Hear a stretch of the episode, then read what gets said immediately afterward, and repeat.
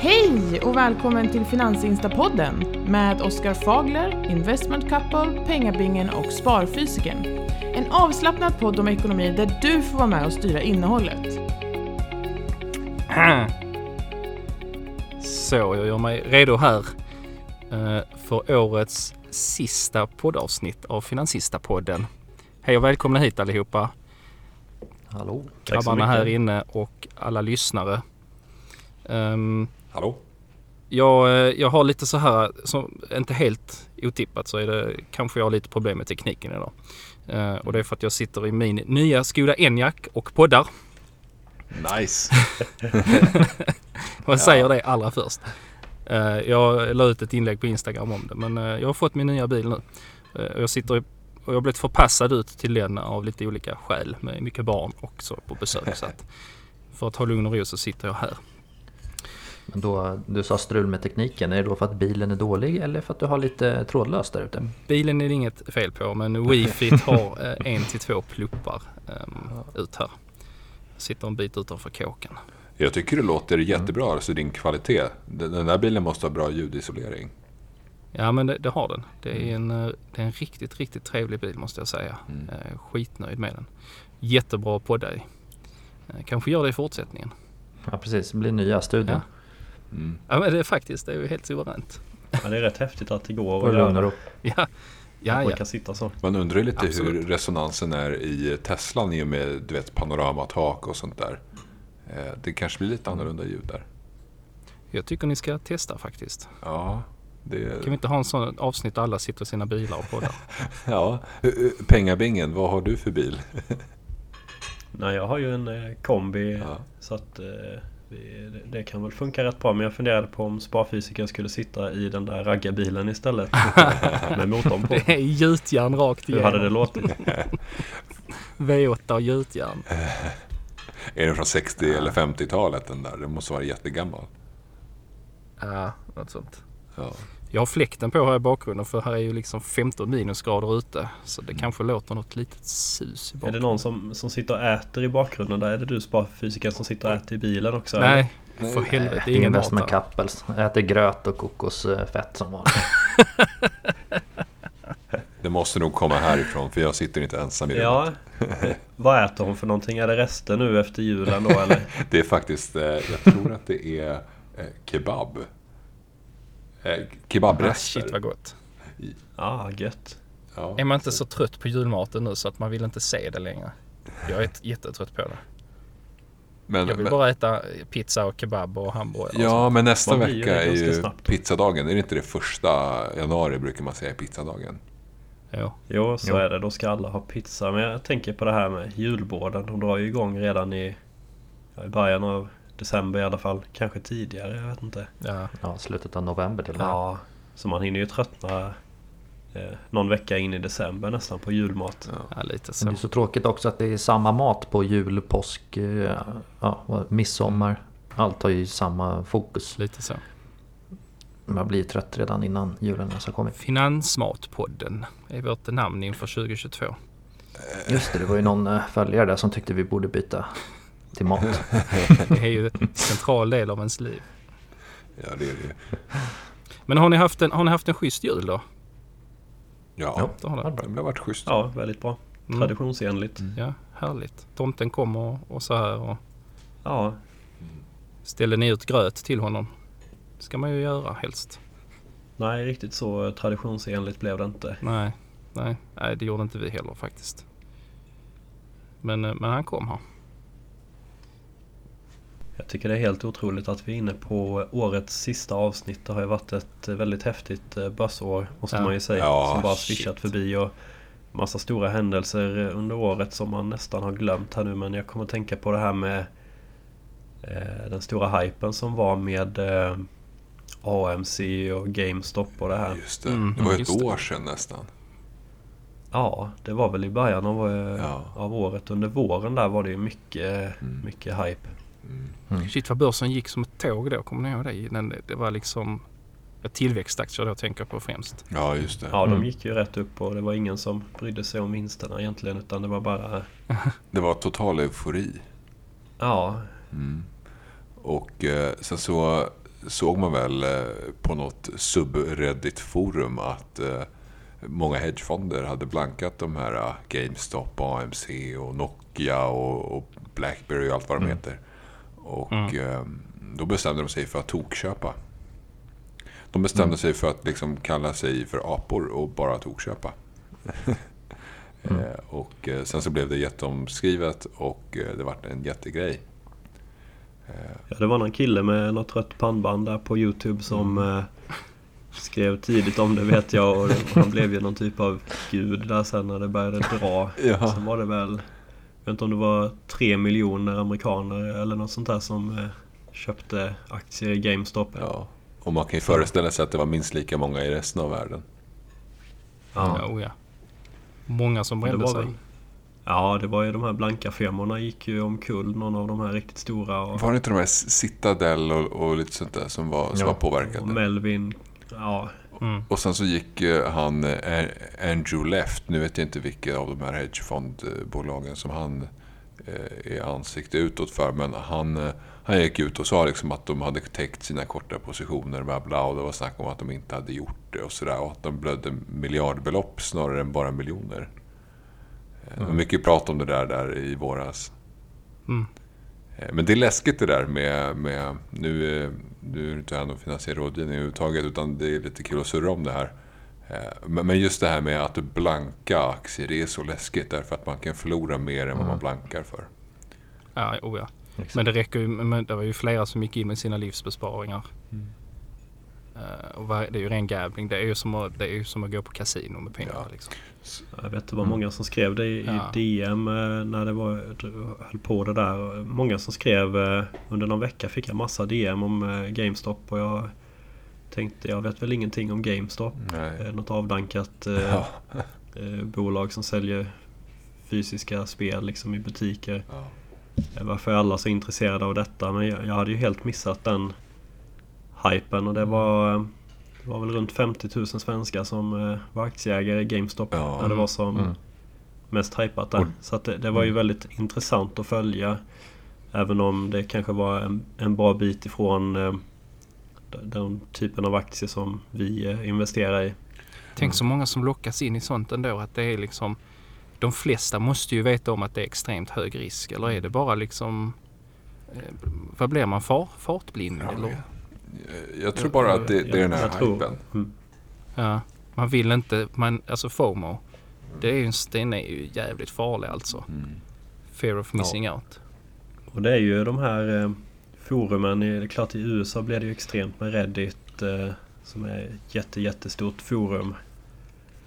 Och Youtube och det sprids ju väldigt snabbt. Men det, det kan det väl göra även i svenska forum. Även om det inte är det trycket här liksom på det Mm. sättet. Och sen, Men det räcker ju hälften är ju Förlåt. Hälften är ju säkert sådana här som får eh, tips av en kompis också. 100% på sådana här. Ja, ja. Bara kolla den har gått upp 1000%. Bara släng in lite. Släng in en chanspost liksom. Ja, och de bara, precis. ah, okej okej. Mm. Fikabordet på jobb liksom. Någon som... Ja exakt. och, och lite, Och så blir man... Eh, dras man in i det. Ja, lite kuriosa då för er som undrar lite om GME och AMC. Nu har inte jag stenkoll på det, men, men jag vet ju lite. Och det var ju precis den här killen med det här röda pannbandet som, som egentligen ganska länge hade förespråkat att investera i GameStop. Och då hade han resonerat så enkelt som att eh, nya Playstation kommer vara bakåtkompatibelt med gamla Playstation-spel. Och GameStop säljer mycket gamla Playstation-spel och det kommer liksom ge en liten putt och siffrorna ser inte så dåliga ut för GameStop som man tror och sådär. Så han, han verkar ha investerat i GameStop i många, många år. Och det var ju en väldigt liksom, liten aktie därför att den hade ju sin storhetstid för många, många år sedan. Och han var liksom en sån kille som letade efter såna här case där man trodde att ja, men den här är undervärderad även fast den är avdankad. Liksom. Eh, Så han, han puttade in, putsade hit en massa pengar och sen så bara exploderade den där i januari när man fick upp ögonen för att den var så blankad. Eh, Och Mm. sen så tog allt det här fart. Eh, Och det var ganska kul att läsa ganska mycket av de här liksom kommentarerna där folk bara ja, men, kallade sig apor och investerade och liksom diamond hands och allt vad det var.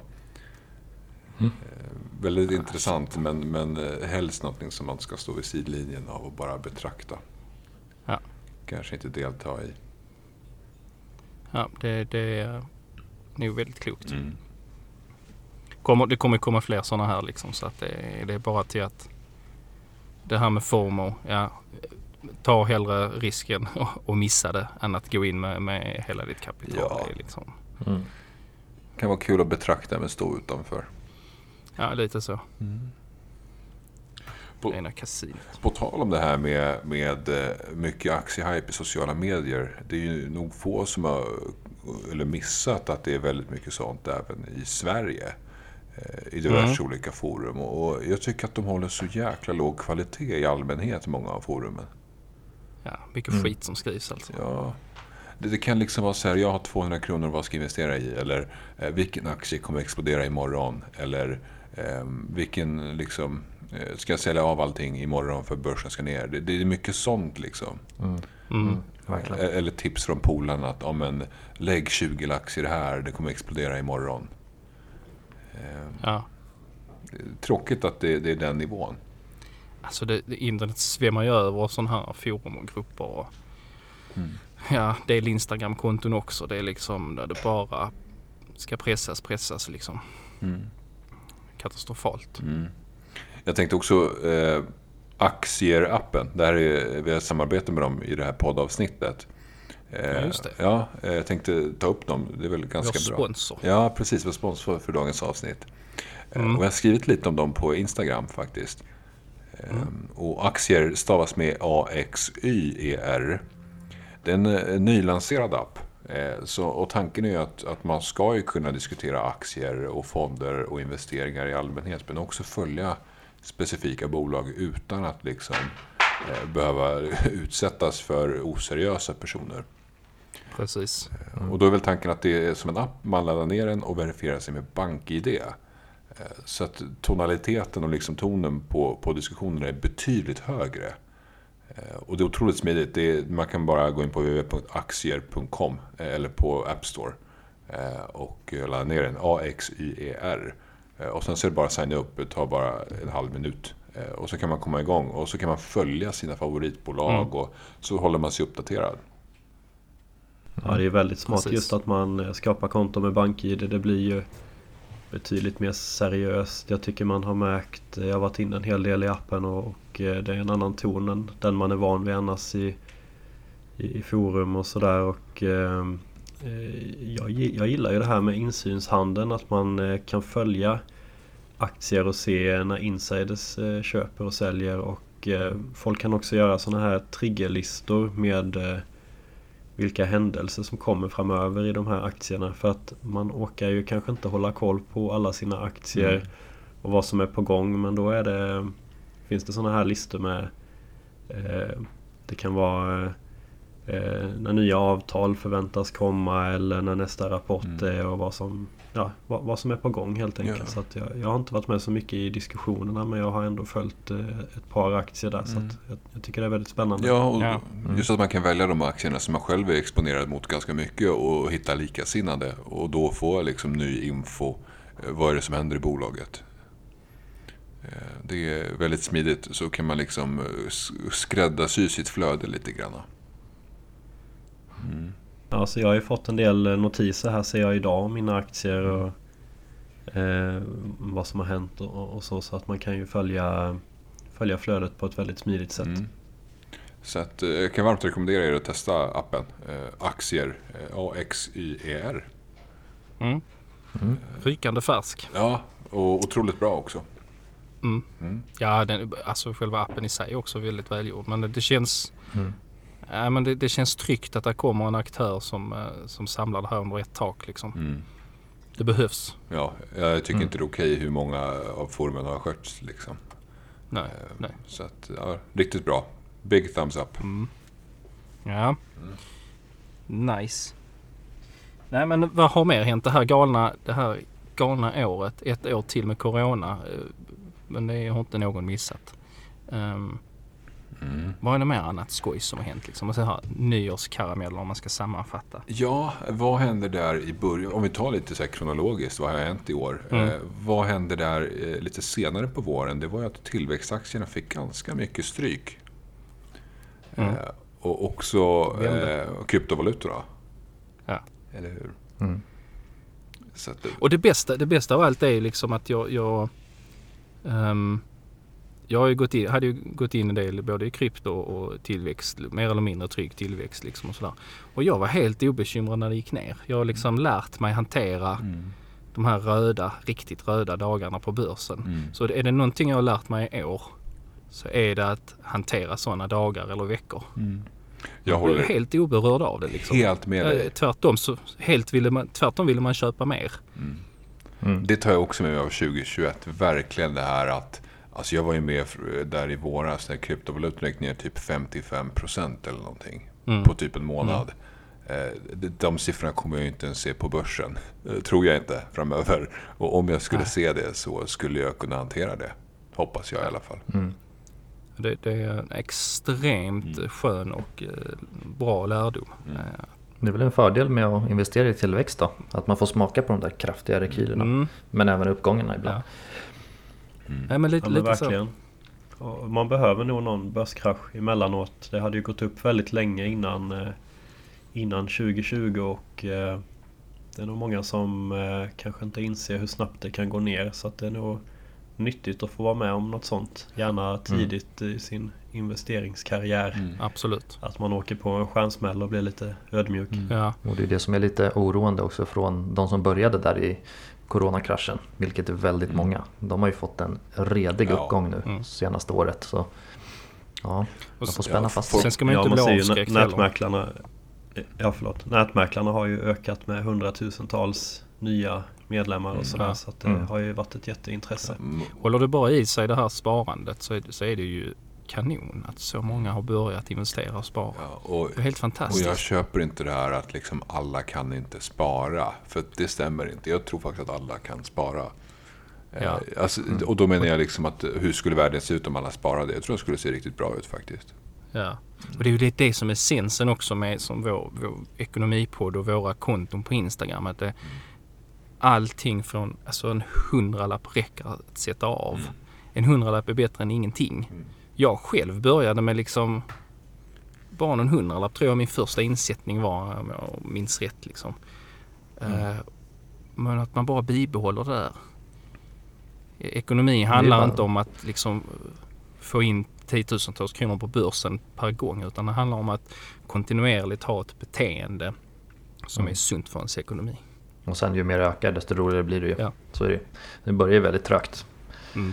Sen, eh, sen tar det fart Ja. rejält. Ja, det alla, alla bör ju ha en trygghet, eh, en ekonomisk trygghet med. Jag Mm. skrev något inlägg om det där för många månader sedan om att eh, det är många som inte vågar skilja sig från dåliga förhållanden och så för de har eh, inget att falla tillbaka på. Mm. Ja. Och det är väldigt tragiskt att höra. Eh, Jag tror många hade mått bra av att ha en, ett eget kapital. Ett frihetskapital eh, ifall någonting händer. Om man blir av med jobbet eller om man eh, träffar en dålig partner eller vad Ja. det kan vara. Så att man kan, Mm. man kan lämna det där och, och börja om.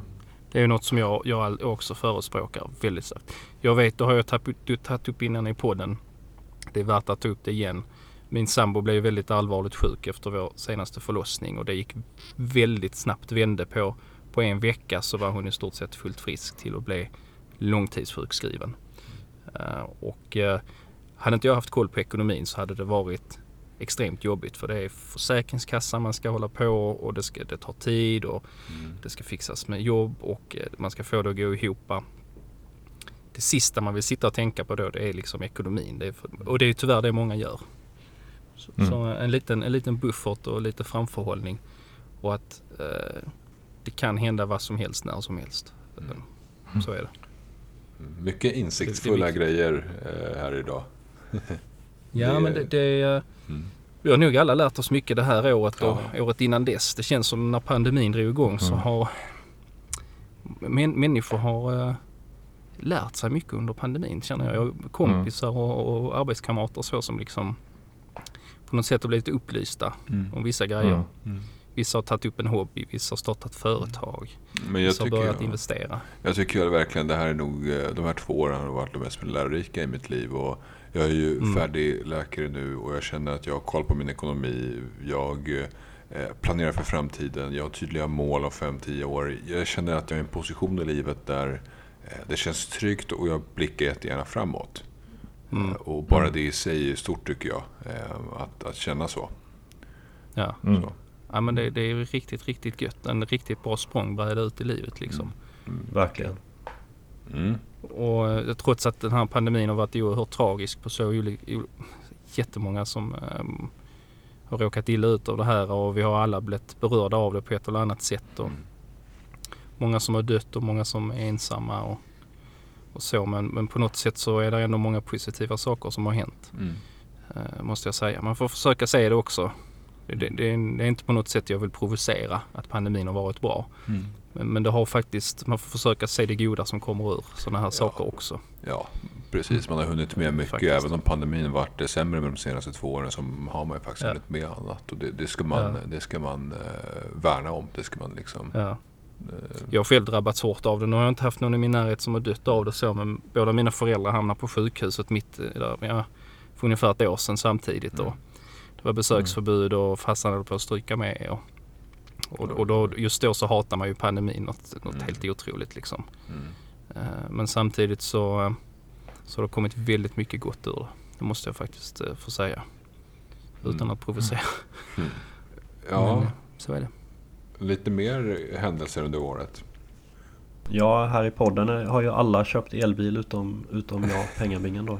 Ja, du halkar Just efter det lite. du det, går ju upp, uppenbarligen går det ju bra på börsen. Ja, man vet, jag, jag hörde någon, någon klok person säga att man vet att det är en rejäl högkonjunktur när varannan bil är en Porsche ute i stan. Ja, ute på stan. Men ska vi prata ekonomi kring det här med elbil och så? Det här, det här rör ju elbil versus eh, bensin diesel är ju, det är ju liksom en sån vattendelare när man läser på nätet. Det är, Ja. jag, jag, innan jag beställde Enyaqen, ja det är ju en leasing, så räknade jag på att skaffa en likadan bensinbil som jag hade innan, den som blev uppkäkad av råttor. Mm. Och skulle jag ta exakt samma um, miltal per år och med försäkring och inklusive bensin och så, så skulle den bli dyrare varje månad Mm. än vad Mm. min elbil Enyaq är. Och min Enyaq kostar flera hundratusen mer än Forden som jag hade om man skulle köpa den. Men ändå blir det Mm. billigare. Mm. Ja, det är häftigt att jag har, kommit jag har så långt. Jag satt ner ett Excel-ark och räknade på det och kollade upp eh, med, med Ford och, och versus Skoda då liksom vad det skulle kosta. Ja. Jag har ju tankat min dieselbil här nu på slutet och det har ju inte varit billigt. Det kan jag ju säga. Nej, Herregud vad dyrt. ja. Men vad, vad, vad drar den? Den har väl en, knappt en halv liter mil ändå. Ja, det är lite, lite mer tror jag. Ja. Men eh, och det kanske inte är hela världen så. Men, och, och nu har den ju några år på nacken. Men eh, skulle man köpa en ny dieselbil idag. Mm. Då är det ju eh, Det är väl väldigt hög fordonsskatt också tror jag. Mm, på dem. Alltså, Och, eh, jag satt och kollade sen vet jag inte hur- en vanlig... Hur håller de värdet liksom Ja. eh, nu de kommande fem åren egentligen? Det är just de grejerna. Alltså jag hade inte vågat äga en sån bil just av anledningen att om, vad är liksom värdet på den bilen om 3 till 5 år? Och Mm. det här med Mm. skatten. Alltså jag kollade en vanlig Passat, alltså Volkswagen. Och jag tror att liksom årsskatten var 10 000. Mm. Jag kollade årsskatten på, Teslan har ju 300. Jag kollade årsskatten på ja, motsvarande liksom motor hästkraft. Mm. Då skulle det kosta 25 000 med en Helvete. diesel eller bensin Två- i, per år. Liksom. Alltså, eh, Och den här förhöjda skatten. skatten är ju tre år. Och säg då att en vanlig bil motsvarande Tesla, den som vi har då, kanske kostar 10 eller 12 000 i, i skatt varje år. Det är typ 30-35 000 på tre års tid. Eh, Och Mm. dessutom har jag räknat att så mycket som vi kör så sparar vi ungefär 20 000 per år i bränsle när vi har elbil. Alltså det är ju säg 60 000 på tre år. Så att skatt plus bränsle sparar vi in 100 000 på en treårsperiod. Mm. Och dessutom... Nu har det varit hög, höga elpriser och så också. Ja. Jag, där jag är nu så, så, så laddar jag för 2,40 per kilowattimme. Mm, Eh, och den här drar 2,5 ungefär per mil. mm, Så det är 6, 6,5 spänn per mil. mm. Det är lite dyrt. Det, det, det, det, nej, och jag hade en bra bensinbil innan som jag kunde få ner under halvliter milen. Mm. För det hade ju ändå inte blivit billigare liksom. Ja, men det är lite dyrt, men det är ändå, ändå betydligt billigare än diesel och bensinbil. Men det, Ja. det Och försöker... det är ju det jag jämför med liksom. Ja. Eftersom jag kommer ifrån bensinbil Mm. så att säga. Ja. Hur man vrider och vänder på det så blir det billigare bränslekostnad, det, det stämmer ju. Men om, om man räknar det här 100 000 på en treårsperiod och dessutom får man 70 000 miljöbilspremie. Och tar i beaktande att värdeminskningen på en Tesla sannolikt är betydligt lägre än på en annan bil. Eh, säg att man köper en annan motsvarande bensin eller dieselbil. Alltså jag vet inte men, men det, vi snackar liksom hundratusentals kronor i besparing på 3 till 5 år. Och så lägger du till att den inte behöver service heller som en Nej, bensinbil men det är. Så att hur jag än vrider och vänder på det så landar jag att eh, ja, men det här är... Jag, jag tänker nog så att, att, att köpa en Tesla för 700 000 räknar jag kostar lika mycket som att köpa en bensinbil för typ 400 000. Eller något sånt. Mm. Ungefär så. Men har ni kört långt med, med, nu på vintern så är det ju betydligt sämre räckvidd på elbilarna när det är så här kallt som det är nu. Har haft 10-15 minusgrader. Vi åker 70... Har ni haft, Mm. har ni haft kör, riktigt sån långkörare när ni har kört eh, 40, 50, 60 mil liksom? Nej, vår längst... Jo, men 50 körde vi en dag. Eh, Och eh, Ja. då laddade vi på destinationen för den var 25 mil bort. Eh, Så att vi Okej. laddade där. Eller när vi kom fram, vi hade 100 när vi åkte. När vi kom fram hade vi 30. Eh, Men, Ja. men då fullkör ju jag. Eh, eh, Jag kör mycket fula accelerationer, ganska höga hastigheter och sånt där. Så hade jag Men Det är kört... kul med elbil att göra, Ja. köra så. Det är skitkul. Men hade jag kört normalt kanske jag hade haft 40-45 i procent när Ja. jag var framme. Eh, Men då, då körde man sån här Tesla Supercharger från eh, 30 procent till 80 någonting procent. Och då gick Mm. det på kanske 170 eller 200 kronor eller något sånt där. Mm. Och det gick jättefort. Men just det där med att stanna och ladda, är, det, det, det krävs lite annorlunda. Nu har jag ju barn och så här. Eh, Vi har kört en långfärdare 60 mil Mm. och stannade två gånger och laddade och då hade jag nog lite räckviddsångest för vi hade 15 mil kvar eh, när vi kom fram. Mm. Eh, Men det är, man, det är inte så stor skillnad egentligen för när man har barn så stannar du ändå och det ska ätas och barnen ska tas ur bilen. Ska på stövlar och Mm. bytas en blöja och så ska man gå in och barnen ska välja någonting eh, och så bråkas det och så ska någon på toa och så har det gått 45 minuter. Mm. Eh, Mm. Då har man hunnit ladda liksom. Bilen är ju nästan fulladdad då. Ja, alltså det där. Jag, jag har nog faktiskt ingen, eh, ingen sån här räckviddsångest. Nej, det har jag faktiskt inte. Nej. Vad tyst bingen är där nu. Du har ju ingenting att komma med där. Jag, jag tror han, jag tror han gillade kalkylerna faktiskt. Men du känner väl igen det där med att man ska stanna med barnen och det går ju inte alltid. så- Och det tar ju liksom, det tar en stund så att man ska ha ur barn och allting. Ja, nej men så är det ju. Ja. Men när jag kör då, då känns det som att den räcker längre än vad jag tror att den ska räcka. Jag tänker typ, ja, där måste jag ladda någonstans. Så kommer jag upp och så har jag liksom ja, 200 km kvar på laddningen. Mm. Aha, ja, jag tar så här för mycket marginal typ. ja, samma här. Ja, men jag kör så fult så att eh, nej, min räcker inte så bra. jag, jag släpper... Ja, jag, jag, Mm. det ska bli kul till sommaren att se hur räckvidden på denna blir ordentligt då. För, för, eh, Mm.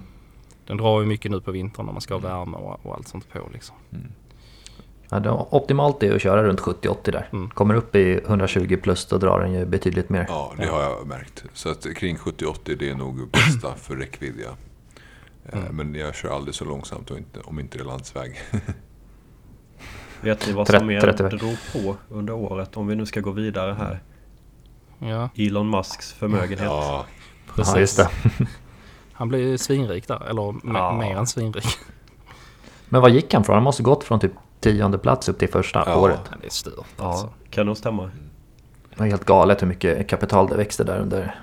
Vi kanske ska års tid. förklara lite så. Det, det, det är ju inte så att han sitter på cash. Eh, De här bjässarna sitter ju inte på rena pengar på sitt bankkonto när man pratar om att de blir världens rikaste. mm.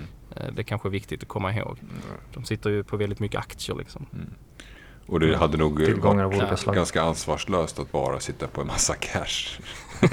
Ja, precis. Fatta, fatta inflationen Ja, men det, på de det, pengarna. det, det är lätt att glömma det när man säger att människor är rika och miljardärer och sådär liksom. Och gud, det- men det, det, det är tillgångar liksom. Det sitter, det sitter kanske inte jättemycket pengar på bankkontot utan det är tillgångar. Nej. Nej, så är det ju. Det, det är ju samma för de här i toppen. Eh, Elon Musk i Tesla och Bezos är, har ju sina aktier Amazon och Mm. han Bernard Arnault i eh, Louis Vuitton. Eh, de är väl de tre rikaste har det varit. Sen har det väl varit någon från Kina ibland som har poppat upp men där har det ju varit något eh, Det var ju någon som hade, hade någon sån här eh, utbildningstjänst som helt gick åt skogen sen så han var väl en av de rikaste i världen men eh, förlorade Ja, det var ju sjukt. Det kom- 90-95% av pengarna Ja. samma år och Mm. Det är mycket politiskt också där. Att det kan vända från en dag till en annan. Och Mm. Kanske vilka kontakter och kopplingar man har och eh, lite hur de ser på ja, hur stora olika bolag får bli och sådär också. Mm. Mm. Mm. Eh, oavsett så har Elon Musk, eh, han tog väl 300 miljarder dollar i förmögenhet va? Kan stämma. Eh, Det är, Vilka ja, jävla siffror. det är halva Sveriges årliga BNP liksom. Ja. Det är helt galet. Ja, det, det är svårt att greppa de där summorna. Det är helt stört. Ja, det är fascineras varje gång man tänker på det. typ 3000 Det är liksom- miljarder kronor. Jag bara skriv ner det liksom. Det, det, det är ju liksom... Fantasi. mycket tjänar en normal människa på en livstid eh, i inkomster? Säg 400 000 om året och så 10 år i 4 miljoner och så det gånger... Ja, du jobbar i 40 år. 16 miljoner. Innan skatt. Ja, Det är liksom... Ja, du får jobba hela jordens eh, existens för att komma upp i hans nivå. Lite så. Otroligt. Ja, faktiskt. Ja, det är häftigt. Ja, det- Men är han fortfarande rikast då? Ja, han låg väl högt Ja. över där. Han är över 100 Ja. miljarder över. Mm. Han har nog seglat ifrån. Ja. Och Det skulle eh, vara kul om det kommer någon ny uppstickare som är liksom... Jag känner vi behöver fler Elon Musk på jorden. Jeff Bezos han faller inte mig riktigt i smaken på det sättet. Han är lite mer... eh, han är han mer, klivit han är ner mer affärsman känns det som. Och Elon Musk är Ja. väl en visionär kanske. Jag tycker Ja, Jeff exakt. känns lite mer som, inte, jag ska inte säga som ett as, men han känns lite mer nonchalant. Elon känns ju mer är liksom eh, jordnära och eh, en rebell. En Men det är någon som gillar Jeff Bezos. Jag tror inte det. Det är någon som skulle säga att, att de älskade honom. Jag tror inte det. Det, det finns många som inte gillar Elon Musk heller. Så att, så är Ja, det är sant. men det, det är väl så med dem på toppen. Ja. Ja, Elon Musk kanske har 50-50 då och Jeff Bezos har 90-10. Det är Ja. samma med Bill Gates och, och sådär också. Han är inte alltid så populär heller har man ju märkt. Ja, det Så kan vara lite det- ensamt där uppe på toppen kanske. Men Det är det, så så. är det ju. Man drar ju alltid så. på sig hatare. Det, det är ju alltid, när det är framgångsrika människor så kommer det ju alltid hatare. Ja, sen så är det lite kul med alla konspirationsteorier. Det här med mikrochip på Bill Gates Ja. och, och, och, Ja, alltså. och vad är det Jeff Bezos gör att han är en ödla typ. Ja, Mm. sånt. Lite kul med de här konspirationsteorierna. Jag tycker om att läsa sådana även om jag inte går på dem. Så är det, det fascinerar mig på något sätt ändå att människor faktiskt. går på, och går på sånt här. Faktiskt. Mm. Ja, eh, på tal om, eh, om stora händelser då. Eh, mycket noteringar i år. Det här måste ju vara någon form av rekord. Mm. Eller hur? Ja. Galet många. Mm. Ja, det var ju eh, rätt många bolag som skulle börsnoteras 2020. Där de fick eh, pausa det för att det var inget bra klimat att sätta sitt, sin aktie på börsen då när det rasade. Mm. Mm. Mm. Så det fanns ju en, list, alltså en kö eh, för att komma in på börsen där sen när det väl öppnade upp. Och sen har det ju varit stekhett här under året Mm. och då är det väl många som vill passa på att börsnotera sina bolag också. Precis. Är, är det en fast avgift för att börsnoteras? Eller liksom beror det på lista? Eller, eller hur vet ni hur det där funkar? Det beror nog på lista och sen vilka, vilka aktörer som är inblandade. Mm, just det. eh, Som hjälper till med noteringen och sådär. Ja, jag kan inte det alls. För jag har hört att det ska ju kosta ett tiotal miljoner att bara själva noteringen va? Kan stämma. Kanske inte 10 men minst en i alla fall. Ja, mer än så tror jag. Men ja, nej. Det kanske beror på som du säger lista och sådär. Stora listor är väl dyrare. Om man följer och har koll får ni jättegärna eh, flika in med, i något DM. Det hade varit kul att Mm. Kollar man på Volvos notering där så har den ju säkert kostat en del i och med att de var så stora.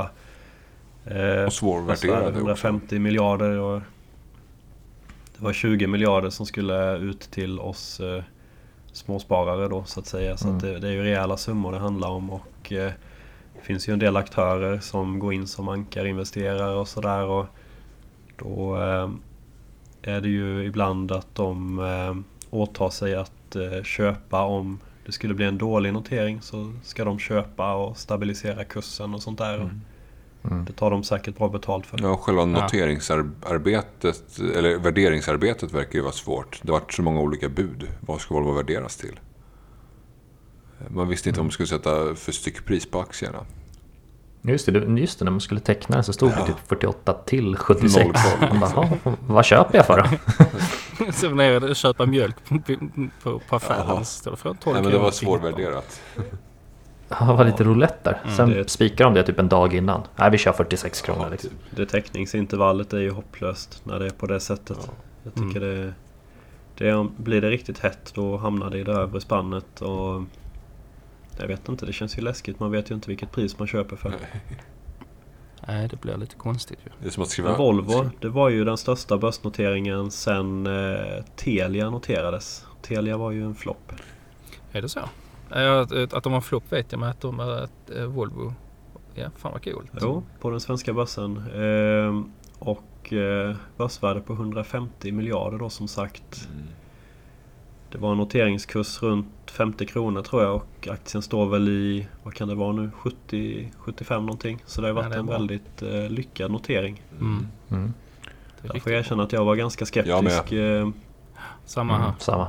Men det var ju många följare där som skrev att de skulle teckna och ja, Ja. det är jättekul. Det har ju blivit en folk, Aktie. folkaktie. Och, Ja, alltså Volvo är ju väl... Alltså det är ju... Finns det något mer svenskt än Ikea och Volvo liksom? Ja, det är häftigt. Den, Ja. den startade väl ganska starkt på börsen men sen var det ju egentligen när Rivian tror jag skulle noteras i USA och det blev ju väldigt hypat och då äger ju Volvo Cars halva eh, Polestar Mm. som är en ren elbilstillverkare och eh, då ska ju Polestar noteras och då, eh, då blev det väl eh, att eh, värdet på Volvos del skulle bli värt mycket mer så det Mm. drog väl upp kursen i Volvo med. Ja, det var ju sjukt mycket snack där om hur om Polestar skulle lyckas så skulle det gå bra för Volvo Cars. Och Ja, om den failade skulle det gå dåligt för Volvo Cars för de har så stort innehav där. Ja.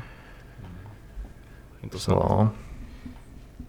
Och så har vi haft lite sämre eh, siffror i vissa bolag. Vad var största nedgången i år? Vet vi det? Den, den här on- Det är ju- onkopeptiderna. ja, precis. Ja. Det är väl Oncopeptides, vad är det för något? Det är Alltså, väl onko eh, betyder väl- bioteknik. Onko betyder väl cancer och peptides betyder eh, protein, eh, små proteiner. Små sammansättningar av Mm. aminosyror. Sen så vet jag ingenting Ja. mer om bolaget kan jag säga. Jo men det var någon sån här fas 3-studie heter det ju. Ja, just det. Eh, som blev misslyckad och då var det väl en väldigt viktig för, för, för företaget där och eh, Ja då kan det i princip eh, gå ner till noll när det misslyckas. Så att det det är är där- lite gambling. Det är där den stora risken ligger i de här läkemedelsföretagen. Mm. Och där, när, när, när du har en fas, en, en studie. Eh, speciellt om det är en fas 3-studie och sånt har kommit väldigt långt och sen så blir Mm. det liksom flopp på det. Mm. Ja, Jag stod faktiskt i kön till ett fik här för en vecka sedan. Och då, var det, då satt det två killar bredvid och snackade om aktier. Det var lite kul. Jag stod och lyssnade där samtidigt. Men då var det ena, ena kompisen där, han satt och snackade till sin polare. Ja men du borde köpa det här läkemedelsbolaget. Alltså de kommer fixa en studie här, den kommer gå 200% snart. Och den där kompisen han var helt så här. Jaha, va? ja okej vad är det då?" Han var liksom, han visste inte vad aktier var typ. Och kompisen bara, jo men det, det är sjukt bra. Och han bara, jaha hur mycket har det gått plus då? Han bara, nej alltså jag ligger back nu. Men det kommer alltså 200% och jag kände så här, jag ville typ hoppa in liksom. Jag, låter, jag låter dem prata liksom. Folk Och jag ska kände inte bara- lyssna på sådana. Det är bara liksom... Nej. Jag kände bara herregud det här kommer gå så illa liksom. Ja. Och så kommer det bli liksom. Men Oskar, det, det, det är ditt fel om det går åt helvete honom att du inte hoppar in och Ja, räddar jag- honom där. Ja. Jag ber om ursäkt där. Hoppas det går bra. Ja. Hoppas den Jag flyger tusen procent igen. istället. Usch, ja. Jag- vet, det- vet ni vem som hade den här eh, Oncopeptides? Nej. Nej.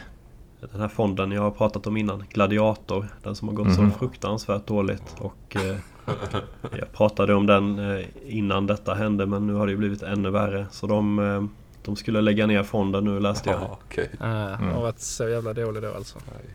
Ja, och han eh, Mitteregg han blev någon sån här senior advisor istället för förvaltare. Ja. Gå vidare, tjäna pengar på ett annat ställe istället. Ja, tjänar säkert jättemycket. Men Ja. det är ju... Ja, det är, det är hemskt är det. När man ser sånt där. Ja, men Mm. vad hade de, vad, vad, det, vad var det inriktning på fonden? Eh, nej men de har ju både tagit korta positioner i exempelvis eh, EQT, alltså satsat Mm. på att den ska gå dåligt. Även Balder att den ska gå dåligt. Och båda de aktierna har ju gått som tåget i år. Så Ja. de har ju misslyckats där och sen har de ju satsat pengar i eh, Ja, det är Oncopeptides men det var väl ett par andra som har gått riktigt, riktigt dåligt också. Mm.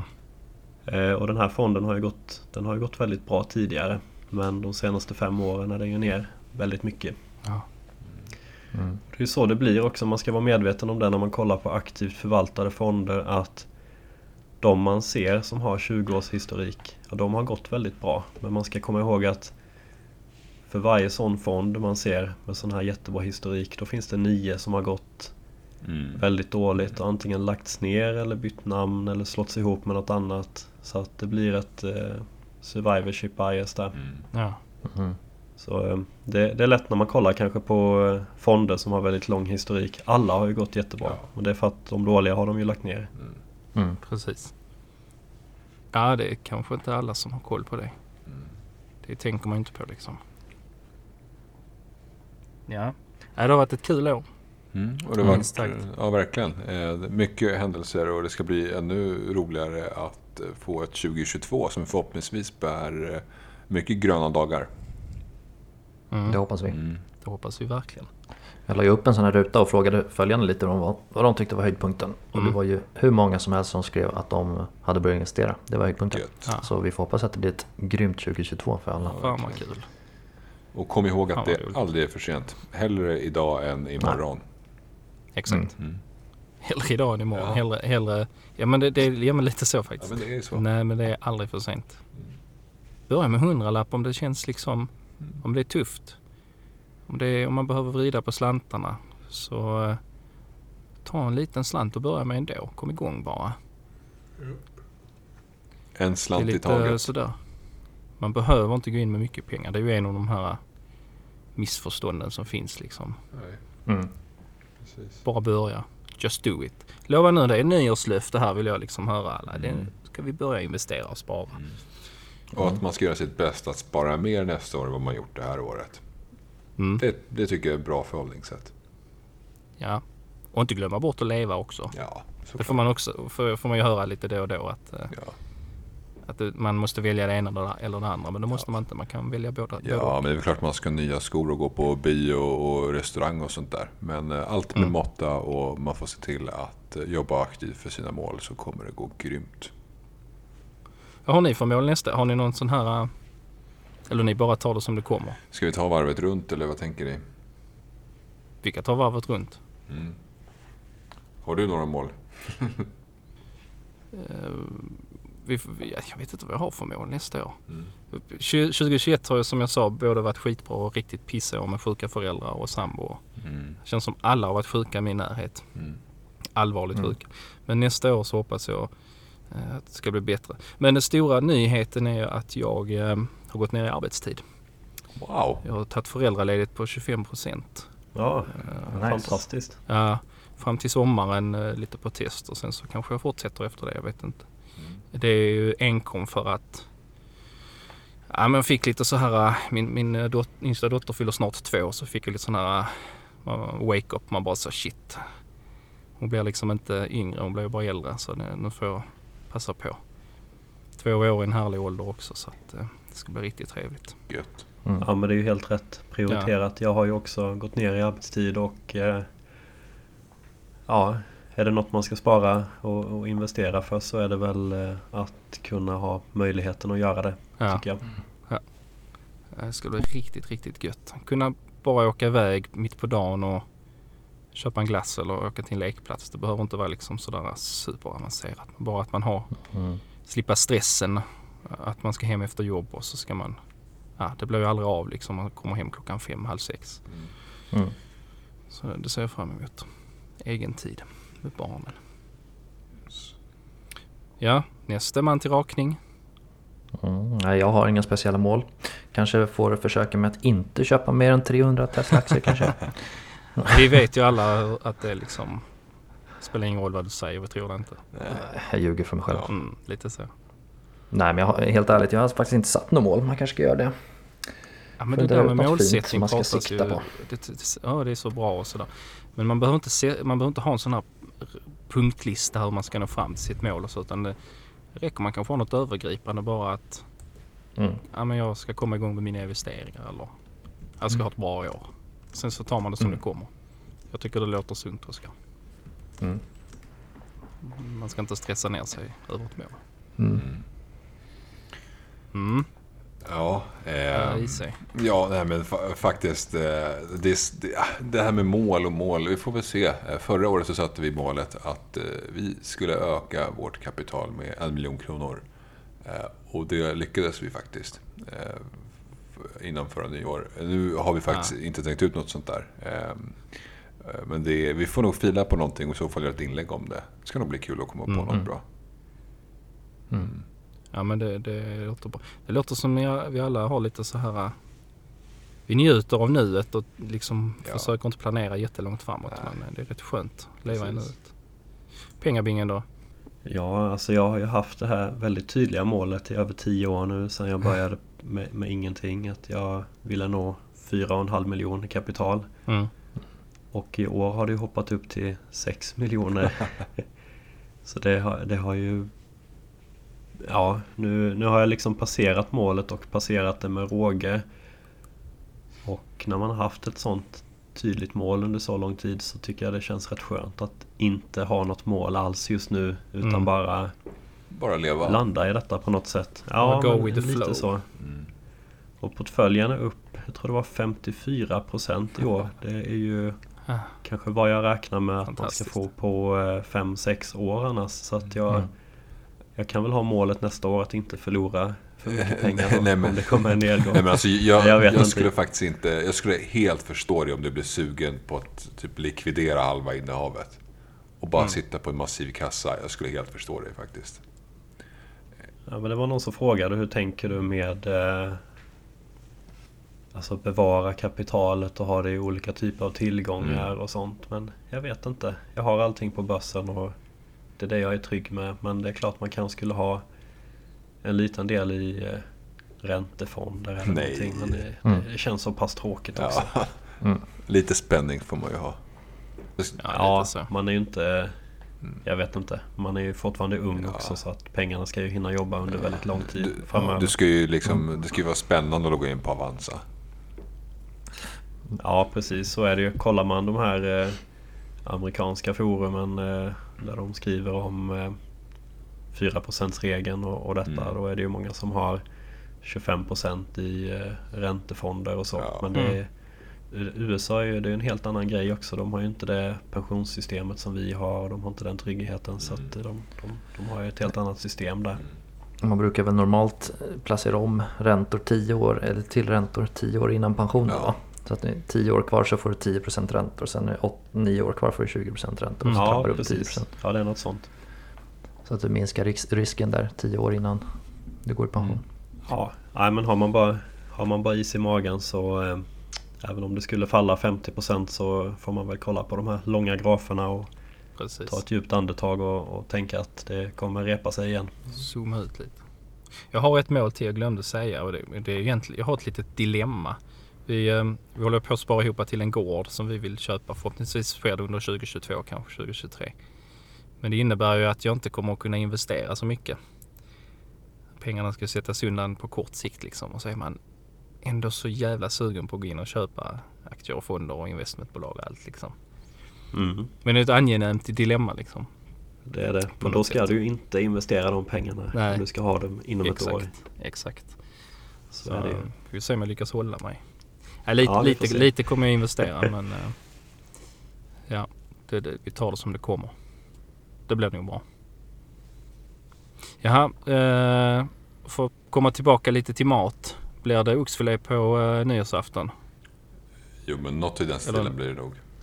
Ja, fint. Det ska jag äta. Ja, vi får se. Jag fyller år på nyårsafton. Så det blir nog fest Oj, här. Så jag kommer nice. nog inte laga till eh, alla gäster.